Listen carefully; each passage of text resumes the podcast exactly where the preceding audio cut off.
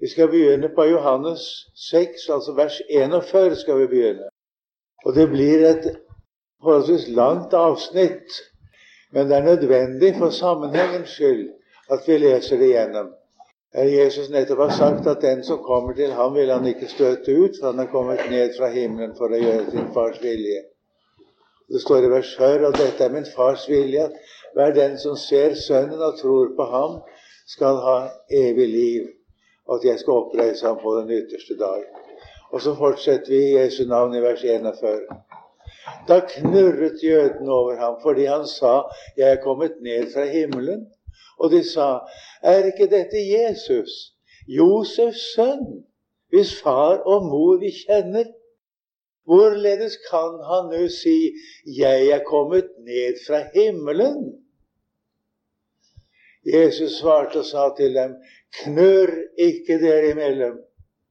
Ingen kan komme til meg uten at Faderen som har sendt meg, drar ham, og jeg skal oppreise ham på den ytterste dag. Det står skrevet i profetene, og de skal alle være lært av Gud. Hver den som hører av Faderen og lærer, han kommer til meg. Ikke så at noen har sett Faderen, bare han som er fra Gud, han har sett Faderen. Sannelig, sannelig sier jeg dere, den som tror, har evig liv. Jeg er livsens brød. Ikke som fedrene, ikke som etter skjedde åt manna i ørkenen og døde. Dette er det brød som kommer ned fra himmelen, for at den skal ete av det og ikke dø. Jeg er det levende brød som kan kommet ned fra himmelen.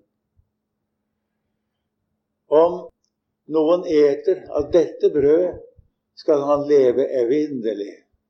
Og det brød jeg vil gi, er mitt kjød, som jeg vil gi for verdens liv.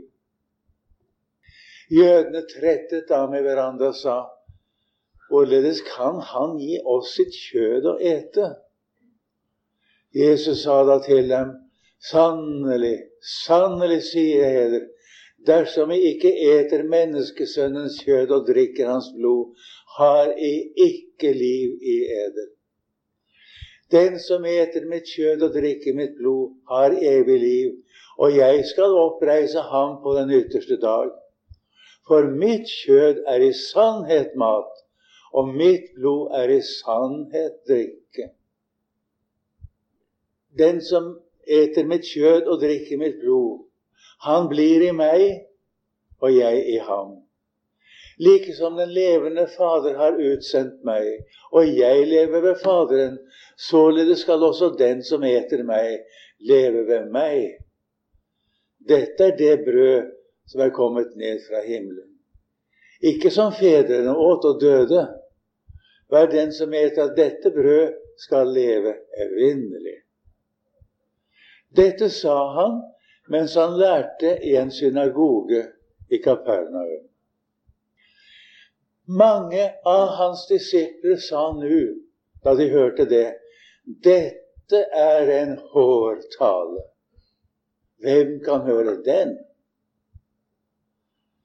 Da Jesus visste med seg selv at hans disipler knurret over dette, sa han til dem, volder dette eder anstøt, enn når I får se menneskesønnen fare opp dit han var før. Det er ånden som gjør levende. Kjødet gagner intet. De ord som jeg har talt til leder, er ånd og er liv. Men det er noen av dere som ikke tror. For Jesus visste fra først av hvem det var som ikke trodde, og hvem det var som skulle forråde ham. Og han sa, det var derfor jeg sa at ingen kan komme til meg uten at det er gitt ham av Faderen. Derfor forlot mange av hans disipler ham og gikk ikke lenger omkring med ham. Og Jesus sa da til de tolv, vil også I gå bort?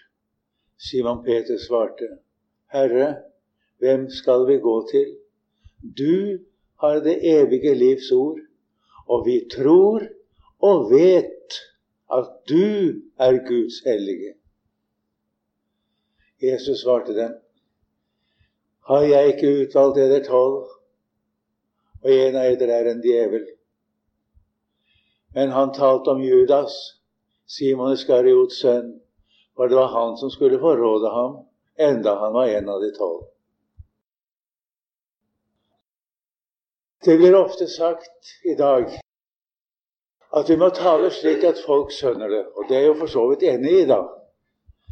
Er ikke stå og tale uforståelig, tale menneskelig sett. sånn.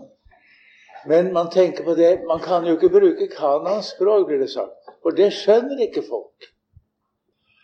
Kan vi legge merke til at da Jesus talte, da var det mange som ikke forsto hva han mente. Men det tok ikke Jesus hensyn til. Vi hører her i vers 60, i det jeg leste, hans disipler, står det. Mange av hans disipler sa nu, da de hørte det, dette er en hård tale. Og etter grunnteksten betyr det hår det er uforståelig. Dette er en ubegripelig tale. Hvem kan høre den? Dette er jo en tale som ikke et menneske kan begripe noe av. Ja, hvem kan da høre det? Og hvordan skal en forkynne det? Og det gjaldt enda dem som altså bekjente seg for å være hans disipler. Svært mange av dem. Og vi hørte i vers 41 at folket i Galilea Jesus var jo nå i Kapernaum. De kjente jo Jesus fra barndommen av. De ser Hvordan kan han si at han er kommet ned fra himmelen? Hva slags tale er det?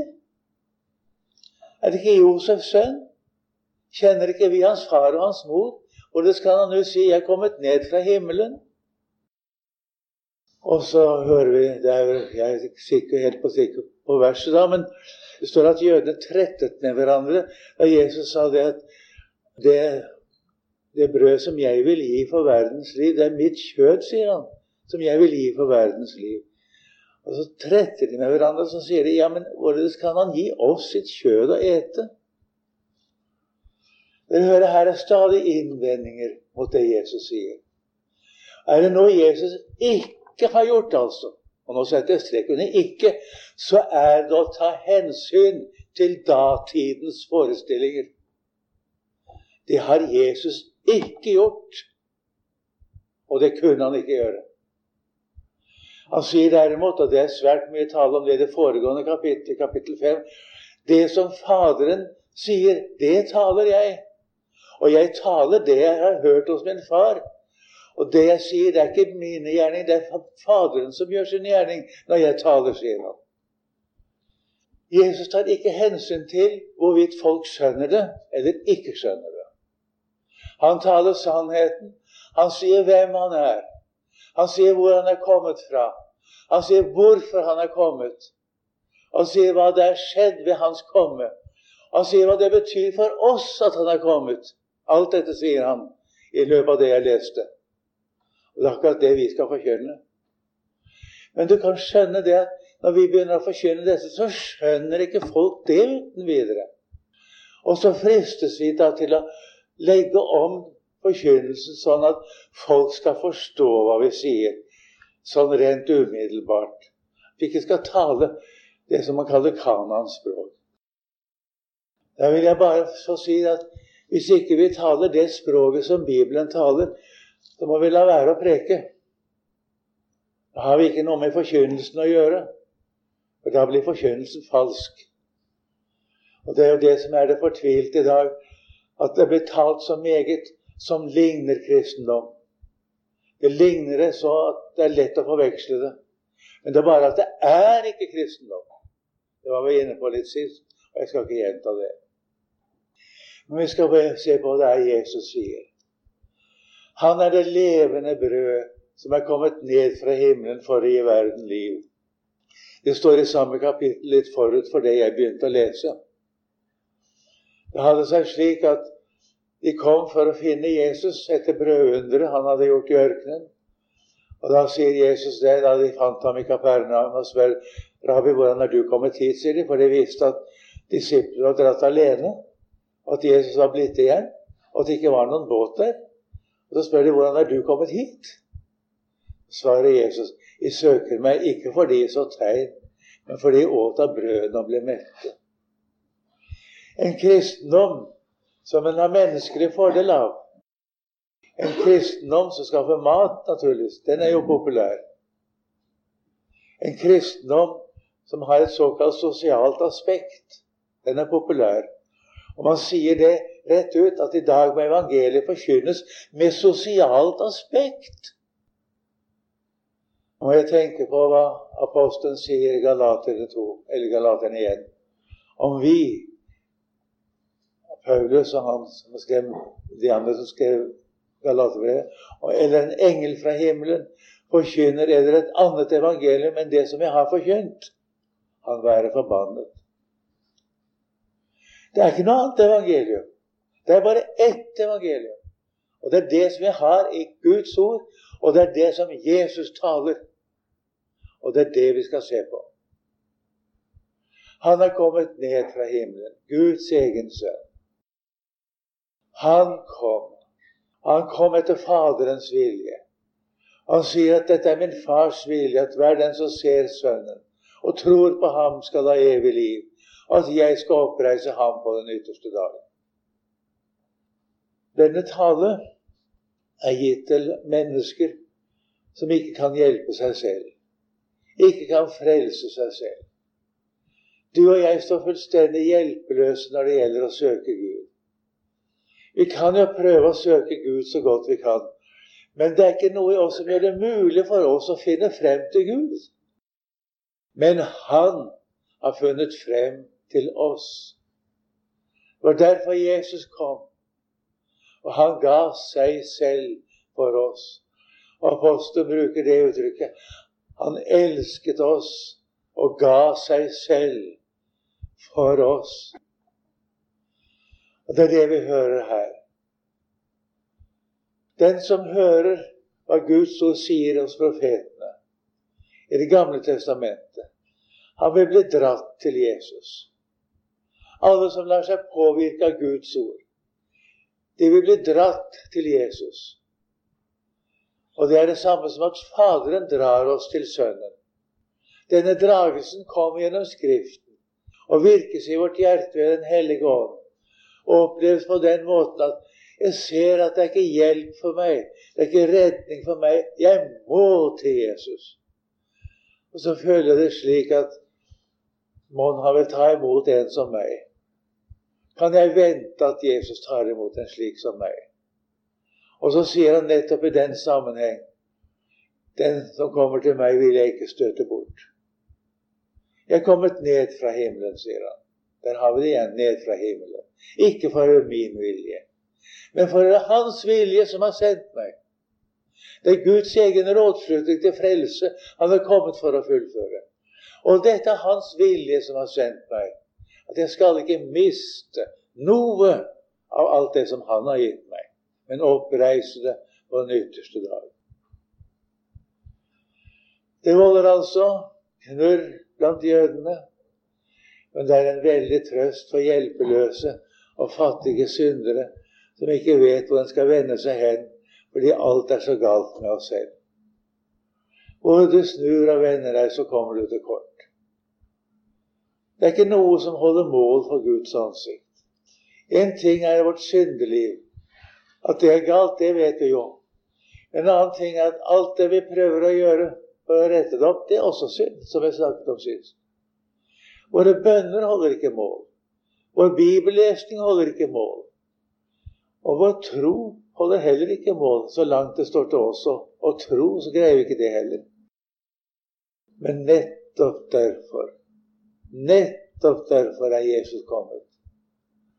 Og det å komme til Jesus, det er å høre og stole på det som vi hører. Kjødet, det naturlige mennesket, sier Jesus, det gagner ingenting. Han taler til de disiplene som knurrer over hans tale. De regnet jo med det at de var jo kommet til tro på Jesus. De fulgte ham jo. De var jo med ham. Men en sånn tale som den han kom med nå, at han skal gi sitt kjøtt for verdens liv. Det kunne de ikke forstå. Og du skal være oppmerksom på at her i Johannes 6 så taler ikke Jesus egentlig om nadværen. Selv om dette ordet passer på nadværen, for det gjør det, og kan anvendes som nadværen, så er det ikke det Jesus i første omgang taler om til jødene. Men det han taler om, det er sin soningsdød. Og hvor nødvendig det er for oss mennesker å eie det som han har utført da han sonet våre synder og ga seg selv. Han ga sitt eget liv. Og det er dette livet det er vår åndelige mat, det er vår åndelige føde. Det er det vi har å ete og drikke. Og dette å ete og drikke er et bibelsk uttrykk for en personlig tilegnelse. Det store er det at når du hører Guds ord, og du tar til deg det du hører, så tilegner du deg det som ordet sier. Og det store med dette, som Jesus også henviser til her, er dette taler ikke bare om Jesus, men det bringer Jesus med seg. Jesus er her i dette ordet. Han sier at kjødet gagner ikke noe, det er ånden som gjør levende. Så kan han jo spørre ja, hvordan får ånden gjøre levende? Og så sier han det. De ord som jeg har talt til leder, er ånd og er liv. Denne tale her, som vi har lest i Johannes 6 nå, det er ånd, og det er liv. Og Nå skal du merke at det ordet kan ikke siteres forkortet, for da blir det ikke riktig. Vi kan ikke si at Jesu ord er ånd og liv. Det går ikke.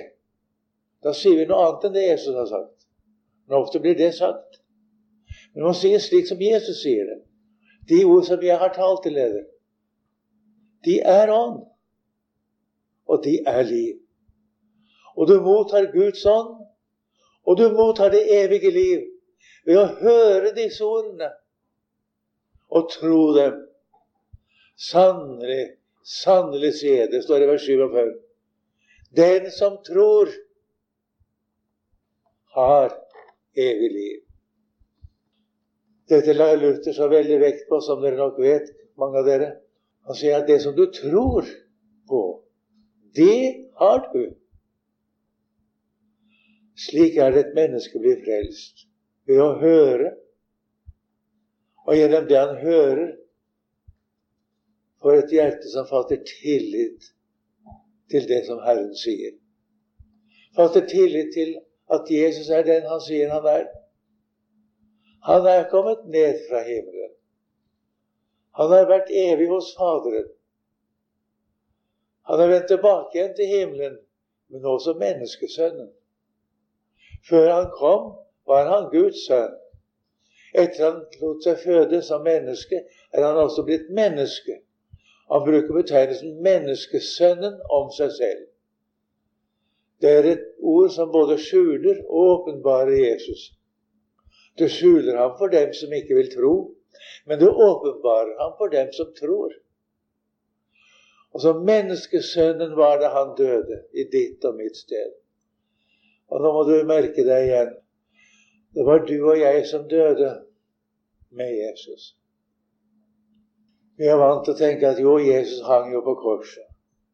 Han døde jo for oss men som vi en gang har spurt, iallfall i et møte nede i misjonssalen en gang Du har sett og har hørt at Jesus døde, men si meg, har du sett at det var du som døde på korset? Har du sett det? For det var det. Det var derfor Jesus døde. For at du skulle dø. Og du er død med ham. Jeg er død med ham. Dette regner Gud med. Og det var dette apostelen siktet til da han sa 'Jeg er korsfestet med Kristus'. Det talte vi mye om i fjor høst. Der ser du hvorfor han er kommet. Du ser hva det betyr. Dette er ikke en historisk kjensgjerning som skjedde en gang, og det dermed basta, men dette er evig liv, altså, i dette budskapet. Det er skjedd en gang for alle. Man har en gang ved tidenes ende tatt bort synden ved sitt offer. Det har han gjort. Forsoningen av våre synder, den skal ikke gjentas. Han sonet alle våre synder en gang for alle. Det sier Gud så klart. Men dette, det gjelder evig. Det gjelder nå, og det gjelder deg. Og heldigvis, det gjelder meg her jeg sitter. Jesus har sonet alle mine synder, og de er borte. Og så har jeg fått det livet som er Han. Han er blitt mitt liv. Og derfor han kom. Han tok vårt og ga seg selv. Og Guds sønn byttet plass med oss. Han tok vår plass for at vi skulle få bytte plass med ham og få hans plass. Det er evangeliet i en sum, det. Selve stedfortredelsens hemmelighet. Guds sønn er vårt sted, og vi får lov å være i hans sted. Så er vi altså ved troen er vi Guds barn.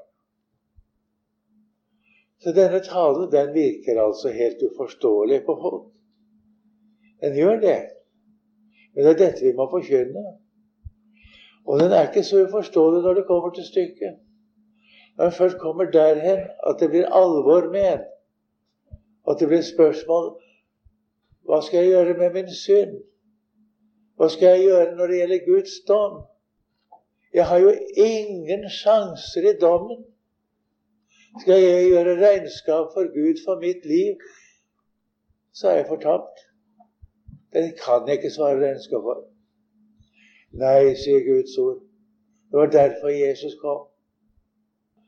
Du er fri. Det var det han gjorde. Guds sønn har gjort deg fri.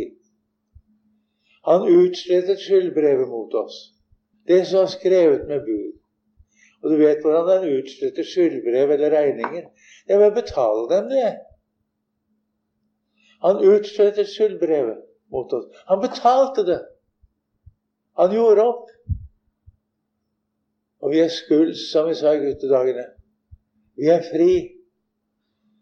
Kravet er oppfylt. Og det er derfor vi får syndenes forlatelse ved Jesu navn.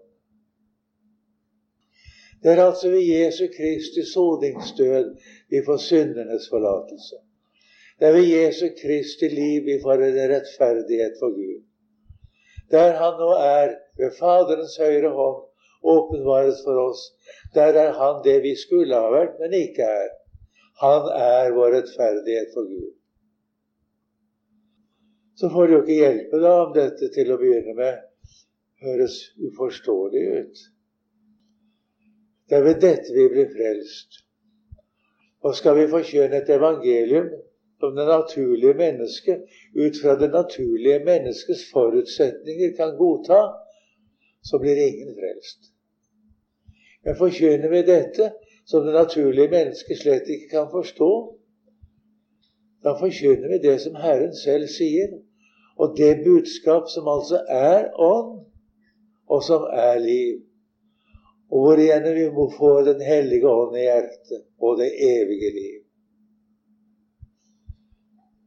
De forlot Jesus, de fleste av hans disipler.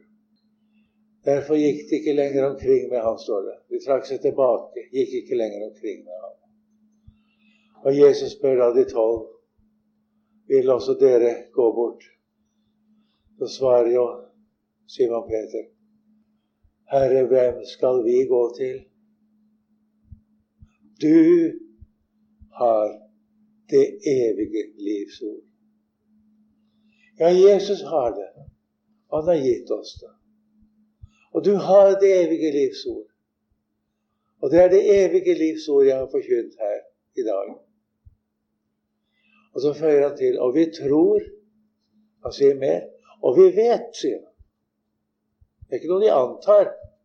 Vi tror. Vi vet. Han har fattet tillit til Jesus. Og han skjønner hvem Jesus er. Du er Guds hellige. Du er den som Faderen har sendt til verden. Du er den som har lovt skulle komme. Og deg er det vi er hos, og deg forlater vi ikke. Hvem skulle vi ellers gå til? Det er ingen, og det er intet, som kan erstatte det som Jesus er. Han er selve frelsen. Så ta imot det igjen i Jesu navn. Vi vil gjerne takke deg, Jesus, at vi igjen har fått lov å stanse for dette fra deg. At du er kommet ned fra himmelen. At du har gitt ditt eget liv. At du er det levende brød. At vi som tror på deg, vi har evig liv. Vi som tror på deg, vi har tilegnet oss deg. Det går frem av det ordet du sier. Og så takker vi deg og velsigner ditt navn. 泡面